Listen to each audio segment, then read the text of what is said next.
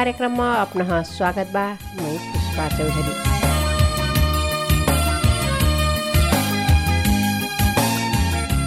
आज कार्यक्रममा हाम्रा मेरमेरक मनेनहक भोगाई उदाहरणीय काम ओ समसामयिक विषयमा बातचित गर्थे। यी कार्यक्रम हरेक दिन बिहान साढे छ बजे रेडियो गुरुबाबा एफएम उनानब्बे दशमलव सात मेगा हजम से ओ साथी एफएम राजापुर से सन्ध्या साढे पाँच बजे प्रसारण हुइठा आज हाम्रो बर्दिया राष्ट्रिय निकुञ्जक बारेमा बर्दिया राष्ट्रिय निकुञ्जक संरक्षण प्रमुख विष्णु प्रसाद श्रेष्ठक बात सुनबी। बर्दिया राष्ट्रिय निकुञ्ज नेपालक पर्यटकीय क्षेत्रभित्र पर्था यहाँ लोप उन्मुख वन्यजन्तु पाट्या बघुवा हात्ती गैडा लगायत और और वन्यजन्तु फे हेरक लाग विश्वभर से पर्यटक हुक्र ऐना कर्ठ जेहिले करबेर राज्य हफे आर्थिक रूपमा कुछ फाइदा हुइठा आज हाम्रो यही बर्दिया राष्ट्रिय निकुञ्जक विषयमा संरक्षण प्रमुख विष्णु प्रसाद श्रेष्ठक बात सुनबी रेडियो कार्यक्रमक समय अवधि निश्चित रहना और हाम्रो बर्दिया राष्ट्रिय निकुञ्जक विस्तृत जानकारी। देना उद्देश्यले हाम्रो दुई भागमा प्रसारण करबी बर्दिया राष्ट्रिय निकुञ्जक बारेमा आज हाम्रो पहिलो भाग सुनाइटी। सुनि संरक्षण प्रमुख विष्णु प्रसाद प्रजाति भएको यो बर्दिया राष्ट्रिय निकुञ्जमा मुख्य वन्यजन्तुको हिसाबले पनि म अलिकति छलफल गर्न चाहेँ।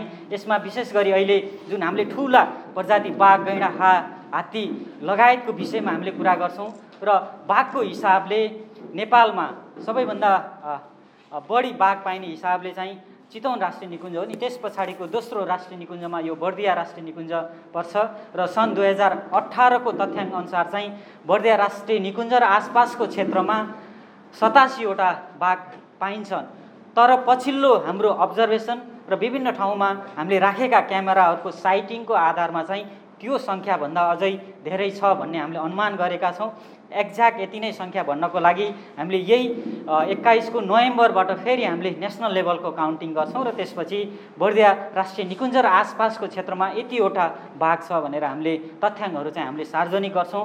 त्यसपछि यो गैँडाको हिसाबले पनि एकदमै राम्रो वासस्थान क्षेत्र भएको हो र हामीसँग अहिले पछिल्लो तथ्याङ्क अनुसार चाहिँ अडतिसवटा गैँडा चाहिँ छ। त्यसै गरी हात्तीको हिसाबले अहिले पछिल्लो टाइममा एकदमै राम्रो हाम्रा वासस्थानहरू सुधार भएको कारणले गर्दाखेरि हात्तीहरूको सङ्ख्या पनि क्रमशः बढ्दै गएको छ र करिब हामीसँग अहिले एक सय बिसभन्दा बढी हात्तीहरू चाहिँ यसमा रहेको छ। त्यसै गरी एकदमै क्रिटिकल्ली इन्डेन्जर अवस्थामा नै रहेको हाम्रो घडियाल गोही जुन चाहिँ हाम्रो एकदमै फ्रेस वाटर इकोसिस्टमसँग सम्बन्धित छ र त्यसको सङ्ख्या पनि करिब हामीसँग सोह्रवटा जति छ। र यो पनि हाम्रो फ्रेस वाटर इकोसिस्टमको एकदमै इन्डिकेटर पनि हो।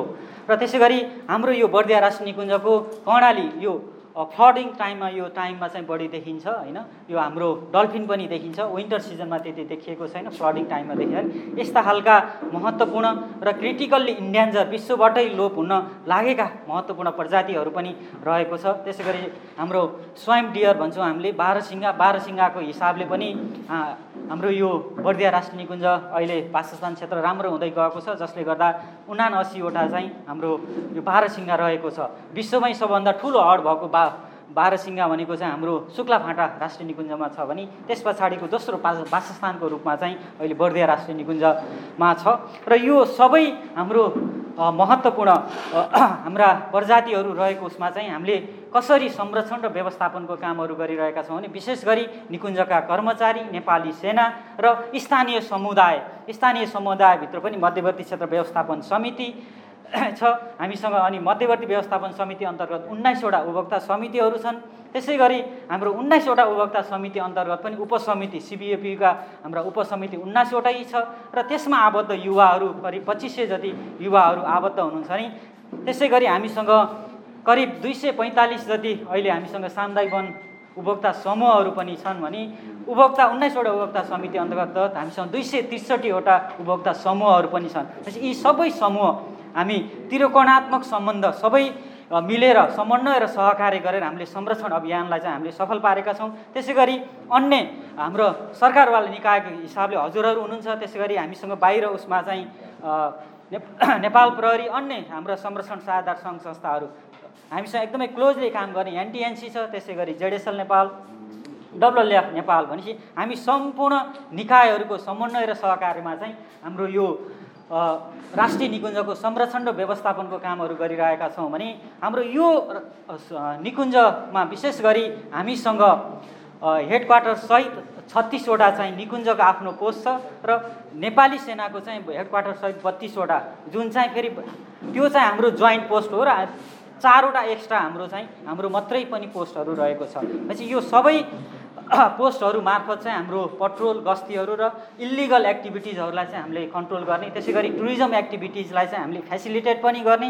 र केही त्यस्ता गैर कानुनी कामहरू भएको छ भने का कानुनी दायरामा ल्याउने कामहरू पनि हामी गरेका छौँ। र यो बर्दिया राष्ट्रिय निकुञ्ज र नेपालमा पाँचवटा भूपरिधि छन् जुन हाम्रो नेपाल सरकारले तोकेका त्यो मध्ये सबैभन्दा महत्त्वपूर्ण भूपरिधि भनेको तराई भूपरिधि हो र त्यसको पनि महत्त्वपूर्ण पार्ट चाहिँ बर्दिया राष्ट्रिय निकुञ्ज छ। यो अझै बढी महत्त्वपूर्ण किन पनि छ भने अन्तर्राष्ट्रिय हिसाबले नै महत्त्वपूर्ण र इन्डियाको कतरिया घाट वाइल्ड लाइफ सेन्चुरीसँग र बिचमा जैविक मार्ग खाताले जोडेको छ र अनि यो हाम्रा वाइल्ड लाइफ सेन्चुरी र बर्दिया राष्ट्रिय निकुञ्जमा भएका वन्यजन्तुहरू ओहोर दोहोर गर्ने कारणले गर्दाखेरि पनि यो अति नै महत्त्वपूर्ण राष्ट्रिय निकुञ्जको रूपमा चाहिँ रहेको छ।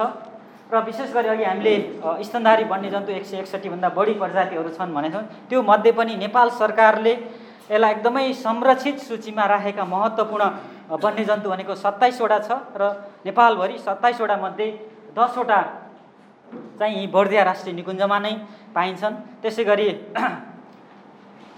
यो जुन अघि हामीले टाइगरको कुराहरू गरिरह्यौँ भने टाइगर नेपालमा विशेष गरी यो क्याट फ्यामिली हामीले भन्छौँ। क्याट फ्यामिलीको हिसाबले बाह्रवटा क्याट फ्यामिलीहरू चाहिँ नेपालमा पाइन्छन् भने बर्दियामा चाहिँ छवटा यो बिरालो प्रजातिका भन्छौँ र त्यो मध्ये बाघ चाहिँ सबैभन्दा ठुलो माथिल्लो उसमा रहेको चाहिँ बिरालो प्रजाति हो। र बाघको हिसाबले अघि मैले सङ्ख्या भनिहालेँ नेपालको हिसाबले दुई सय पैँतिसवटा छ भने हामीसँग अहिले सत्ताइसवटा यो सन् दुई हजार अठारको। अब हामीले बाइसमा यसलाई दोब्बर गर्ने भनेर जुन अन्तर्राष्ट्रिय स्तरमा सन् दुई हजार दसमा हामीले कमिटमेन्ट गरेका थियौँ हामी एकदमै नजिक पुगेका छौँ र नोभेम्बरबाट चाहिँ हामीले काउन्टिङ गरेर ठ्याक्क ट्वेन्टी टूमा चाहिँ हामीले हाम्रो तथ्याङ्कलाई सार्वजनिक गर्छौँ। सम्भवतः नेपाल चाहिँ पहिलो राष्ट्र हुनेछ अहिलेसम्मको प्रोजेक्सनको आधारमा। यो बाघलाई दोब्बर गर्ने राष्ट्रको रूपमा चाहिँ नेपाल पहिलो हुन सक्ने अहिलेसम्म हामीले अनुमान गरेको अवस्था छ। र यो बाघको हामीले घनत्व भन्छौँ जस्तै अब सय वर्ग किलोमिटरमा एभरेजमा नेपालमा चाहिँ हामीसँग पाँचवटा बाघहरू देखिन्छन् भने बर्दियाको विशेष गरी यो कर्णाली फ्लड प्लेनमा हेर्ने त्योभन्दा बढी छ। सयमा आठवटा बाघहरूसम्म रहने हाम्रो तथ्याङ्कले देखाएको अवस्था छ। भनेपछि हाई डेन्सिटी भएको राष्ट्रिय निकुञ्जमा चाहिँ हाम्रो बर्दिया राष्ट्रिय निकुञ्ज आउँछ। यो हाम्रो गैँडाको सङ्ख्या कसरी बढिरहेछ पहिला कस्तो थियो भन्ने हिसाबले मात्रै देखाउन खोजेको। दुई हजार पैँसठी साल पछाडि अहिलेसम्म गैँडाको पोचिङ भएको अवस्था छैन। हामी जिरो पोचिङमा चाहिँ छौँ। यो हाम्रो खुसीको खबर पनि हो। र अहिले पछिल्लो तथ्याङ्क जुन हामीले अडतिसवटा गैँडा भनिरहेको छौँ भने बबई भ्यालीमा चाहिँ हामीसँग सातवटा रहेको छ भने कर्णाली फ्लड प्लेन यो कर्णालीको उसमा चाहिँ हामीसँग एकतिसवटा रहेको छ। र यो हाम्रो आइडी बेस मोनिटरिङ जुन हामीले प्रत्येक वर्ष र यो रेगुलर रूपमा चाहिँ हामीले हामीसँग भएका गैँडाहरूको चाहिँ हामीले अनुगमन गर्छौँ र विशेष गरी यसमा निकुञ्ज कर्मचारी नेपाली सेना र हामीलाई प्राविधिक हिसाबले एनटिएनसीले यसमा हामीलाई सहयोग गरिरहेको अवस्था छ र प्रत्येक गैँडाको चाहिँ हामीसँग आइडी छ। उसको मर्फोलोजिकल क्यारेक्टरको आधारमा हामीले नाम दिएका छौँ। कुन के हो भनेर सबै हामीले छुट्याउन सक्ने अवस्था। र हात्तीको झुन्डमा अघि भनिहालेँ हामीसँग एक सय बिसभन्दा पनि बढी अझै यो वर्ष चाहिँ राम्रो सङ्ख्यामा चाहिँ हात्तीहरूको आगमन भइरहेको अवस्था छ। तपाईँहरूले न्युजमा तपाईँहरूले पनि धेरै लेख्नु भएको अवस्था पनि छ।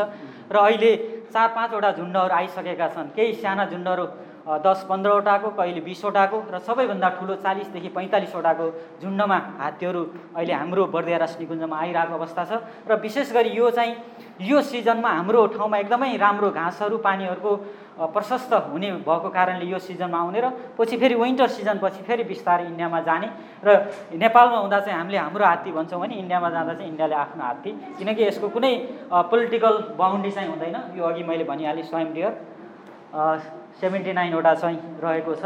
र त्यसै गरी यो हाम्रो घडियालको कुराहरू अघि मैले भनिहालेँ सोह्रवटा। र यो डल्फिन यो यो फ्लडिङ टाइममा यो टाइममा चाहिँ हाम्रो यो कर्णालीको उसमा चाहिँ यो देखिन्छ। र यो टाइगरको हिसाबले पनि हामीसँग एकदम राम्रो प्रजातिको सङ्ख्या रहेको अवस्था छ भने डियर यो प्रजातिमा पनि हामीसँग पाँच किसिमको डियर प्रजातिहरू त्यसै गरी spotted deer sambar deer barking deer hog deer यो यिनीहरू चाहिँ हामीसँग डियर गरी पाँचवटा हो। र यसको पनि सङ्ख्या एकदमै राम्रो रहेको अवस्था। सबैभन्दा बढी त हामीसँग स्पटेड डियर चित्तल।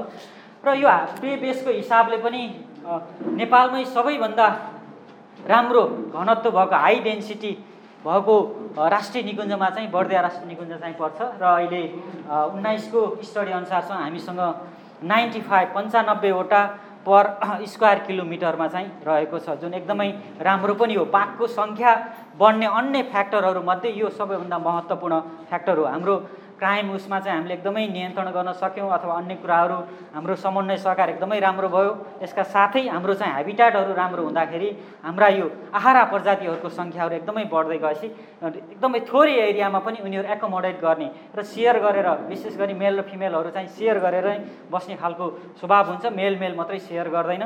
त्यस्तो बेलामा चाहिँ यसले धेरै सपोर्ट गरेको अवस्था पनि छ।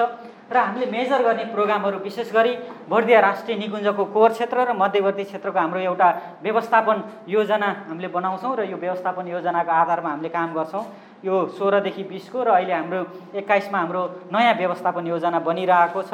यो प्रोसेसमा छ। र यसमा मेन फोकस एरियाको हिसाबले मात्रै मैले भन्न चाहेँ। धेरै काम गर्छौँ। त्यो मध्ये बढी पहिलो हाम्रो प्राथमिकता भनेको त के हो भने निकुञ्जको त्यसको संरक्षण नै हाम्रो पहिलो प्राथमिकता हो। र त्यो संरक्षणको हिसाबले नियमित रूपमा हामीले गस्ती पट्रोल लगायतका कामहरूबाट यसको संरक्षणको कामहरू गर्छौँ भने त्यसपछि अर्को मुख्य हामीले प्रायोरिटीमा राख्ने एरिया भनेको चाहिँ हाम्रो हेबिट्याट म्यानेजमेन्ट नै हो वासस्थान सुधार वासस्थान संरक्षण होइन?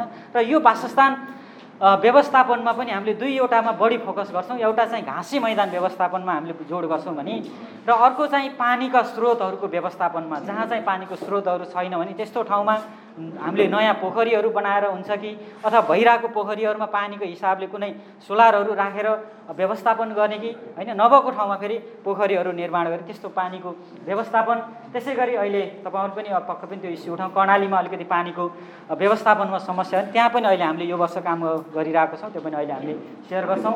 त्यसै गरी अर्को भनेको हाम्रो रिसर्च एन्ड मोनिटरिङ। नियमित रूपमा हाम्रा मुख्य प्रजातिहरूलाई चाहिँ हामीले अनुगमन गरिरहेका हुन्छौँ। जस्तै बाघ गैँडा हात्ती होइन यस्तै गरी हामीले अघि सङ्ख्या भनिरहेको छौँ यतिवटा स्वयं डियर यतिवटा घडियाल यतिवटा भने के भने नियमित रूपमा हामीले गर्ने अनुगमनको आधारमा चाहिँ हामीले त्यसलाई भन्छौँ रिसर्चको आधारमा हामीले यति सङ्ख्या छ भनेर गर्छौँ भने अर्को हाम्रो वाइल्ड लाइफ क्राइमको हिसाबले पनि जहाँ चाहिँ अलिकति महत्त्वपूर्ण वन्यजन्तुहरू हुन्छन् होइन त्यो वन्यजन्तु भएको ठाउँमा चाहिँ वाइल्ड लाइफ क्राइमको हिसाबले पनि एकदमै सेन्सिटिभ हुन्छ र बर्दिया जिल्ला पनि एकदमै सेन्सिटिभ डिस्ट्रिक्टमा चाहिँ पर्छ। र त्यो हिसाबले अनि हामीले यसलाई कम गर्नको लागि चाहिँ हामीले वाइल्ड लाइफ क्राइममा अथवा एन्टी पोचिङमा हामीले काम गर्छौँ। विशेष गरी हामी हामी मात्रै नभएर स्थानीय समुदायलाई चाहिँ हामीले समेटेर काम गरेँ किनकि सिबिएपयु भनेर हामीले कम्युनिटी लेभलमा पनि हामीसँग छ। त्यसै गरी जिल्ला स्तरीय हामीसँग डब्लुसिसिबी पनि छ र बिचमा हाम्रो आफ्नै निकुञ्ज प्रशासन नेपाली सेना होइन यसरी समितिहरू मार्फत पनि यसलाई एन्टी पोचिङको रूपमा हामीले कामहरू गरिरहेका छौँ भने अर्को पाटो विशेष गरी यो वन्यजन्तुहरू वनस्पतिहरू अथवा जैविकताको महत्त्व के छ यो किन चाहिन्छ? देखि लिएर वन्यजन्तुको आनी बानी सम्बन्धी कुराहरू पनि कम्युनिटी लेभलहरूमा समुदाय स्तरहरूमा छलफल र अन्तर्क्रिया गर्नुपर्ने भएकोले हामीले कन्जर्भेसन एजुकेसनहरूलाई पनि हामीले अलिकति फोकस गरेर हामीले छलफल र अन्तर्क्रिया कार्यक्रमहरू पनि हामीले गर्छौँ। त्यसै गरी कहिलेकाहीँ समस्याग्रस्त वन्यजन्तुको रूपमा जस्तै अहिले यो आर्थिक वर्षमा हेर्ने हो भने हामीसँग बाघ चाहिँ अलिकति समस्याग्रस्त वन्यजन्तुकै रूपमा चाहिँ बढी देखियो भने कहिलेकाहीँ टुहुरा भएर पनि वन्यजन्तुहरू बाहिर निस्किरहेको अवस्था छन्। त्यस्ता समस्याग्रस्त वन्यजन्तु टुहुरा वन्यजन्तुहरूलाई पनि त्यसलाई हामीले रेस्क्यु गर्ने त्यसलाई ल्याइसकेपछि त्यसलाई व्यवस्थापन गर्ने कामहरू पनि हामीले गरिरहन्छौँ भने त्यसै गरी यो संरक्षणबाट चाहिँ कसरी फाइदा पुग्छ त स्थानीय समुदायका साथसाथै राष्ट्रिय अर्थतन्त्र राष्ट्रिय राजस्वमा पनि कसरी वृद्धि गर्ने भने प्रकृतिमा आधारित क्रियाकलापहरू पर्यटनका क्रियाकलापहरू चाहिँ हामीले सञ्चालन गरेर चाहिँ हामीले आम्दानीको स्रोतहरू चाहिँ बढाउने हो भने त्यस्ता खालका क्रियाकलापहरू पर्यटकीय गतिविधिका क्रियाकलापहरू पनि हामीले सञ्चालन गर्छौँ। सकेसम्म हामीले यो गर्ने भनेको त्यही भएर नेचर बेस्ड टुरिज्म भनिरहेछौँ।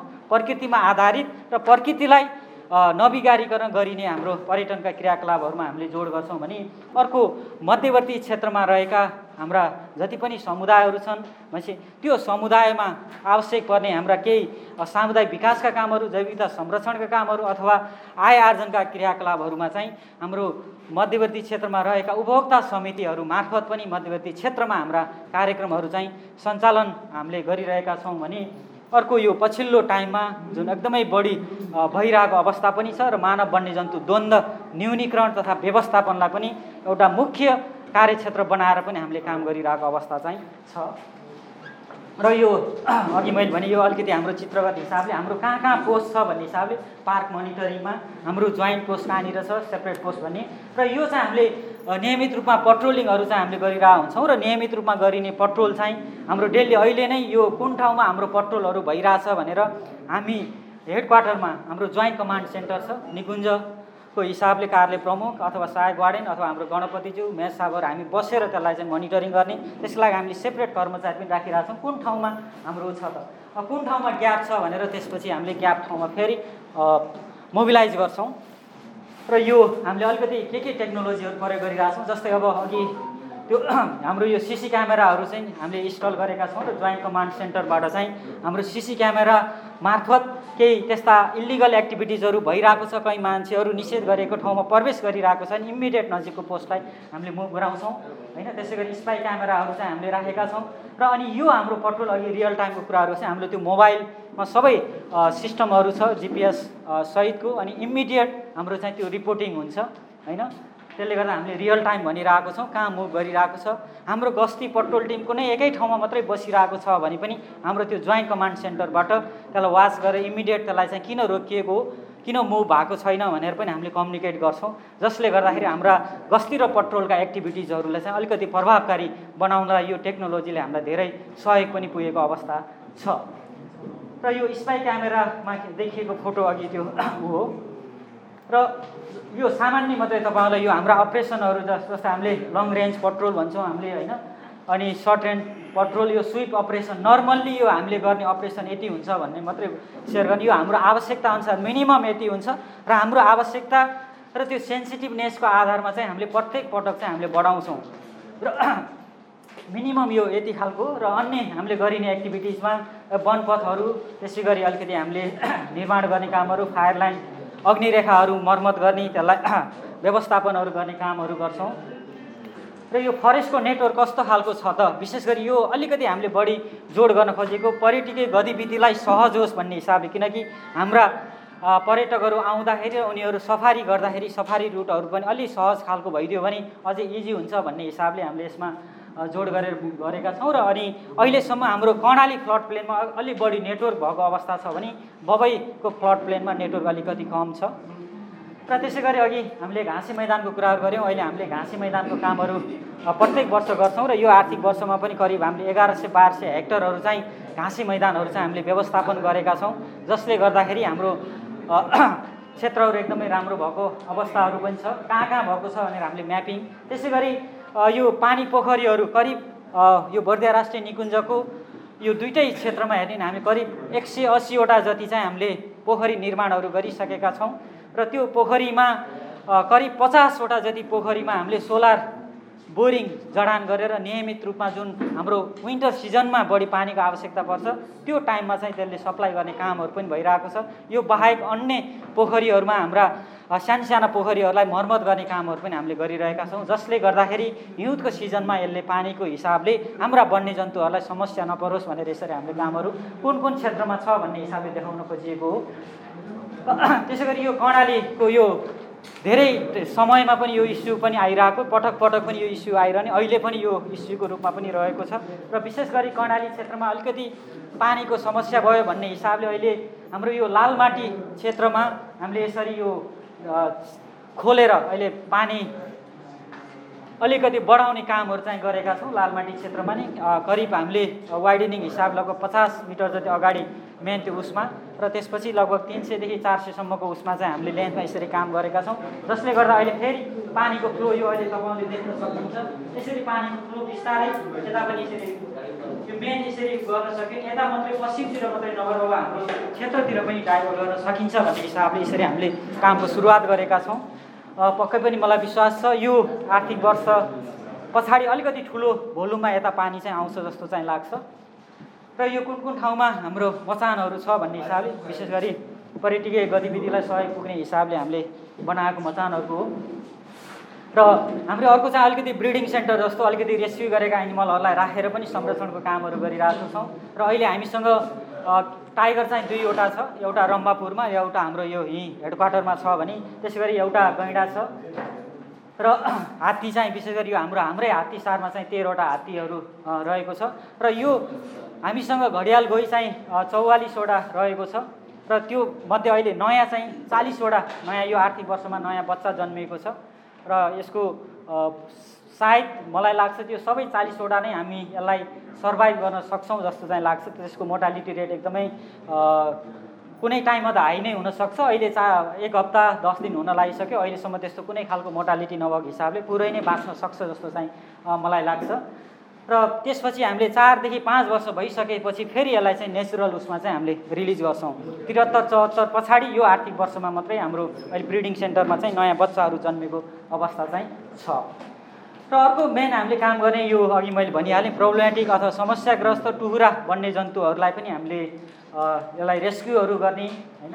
त्यसलाई अनि रेस्क्यु सेन्टरमा चाहिँ व्यवस्थापन गर्ने ट्रिटमेन्ट गर्ने र त्यसपछि फेरि हामीले प्राकृतिक वासस्थानमा छोड्ने कामहरू पनि हामीले गरिरहेका हुन्छौँ। र अघि मैले भनिहालेँ कन्जर्भेसन एक्सन हाम्रो संरक्षण शिक्षाको हिसाबले केही फोटोग्राफहरू मात्रै मैले यो सेयर गर्न चाहेँ। र अर्को रिसर्च एन्ड मोनिटरिङ अहिले हामीले पछिल्लो टाइममा विशेष गरी यो बाघको अलिकति घटनाहरू बढिसकेपछि बाघलाई पनि बाघको बिहेभियरमा अलिकति बढी स्टडी गर्नुपर्छ भन्ने हिसाबले सेटेलाइट कलर नै जडान गरेर अहिले हामीले बाघको अध्ययन गरिरहेका छौँ।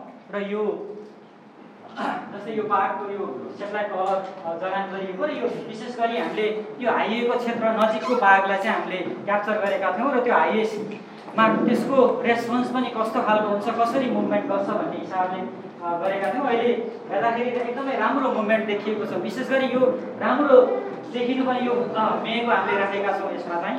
र यो टाइममा अलिकति फेरि लकडाउन पनि भयो र लकडाउन अथवा निषेधाज्ञा भनौँ निषेधाज्ञा भएको टाइममा चाहिँ हाम्रो भेहिकलहरूको सङ्ख्या एकदमै कम भएको बेलामा चाहिँ फ्रिली मुभमेन्ट गरेको जुनसुकै ठाउँबाट पनि एकदमै क्रस गरेको देखिन्छ।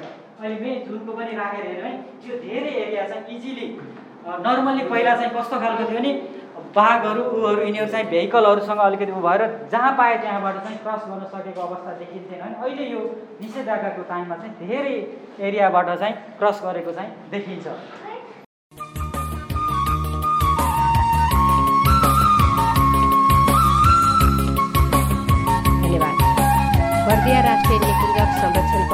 प्रमुख विष्णु प्रसाद श्रेष्ठज्यू बर्दिया राष्ट्रिय निकुञ्जक फाइदा बेफाइदा यी बर्दिया राष्ट्रिय निकुञ्जमा से ह्यार सेक्दिना। वन्यजन्तु काकाबाट कत्रा मनै ऐठ राजस्व सङ्कलन कत्रा हुइट।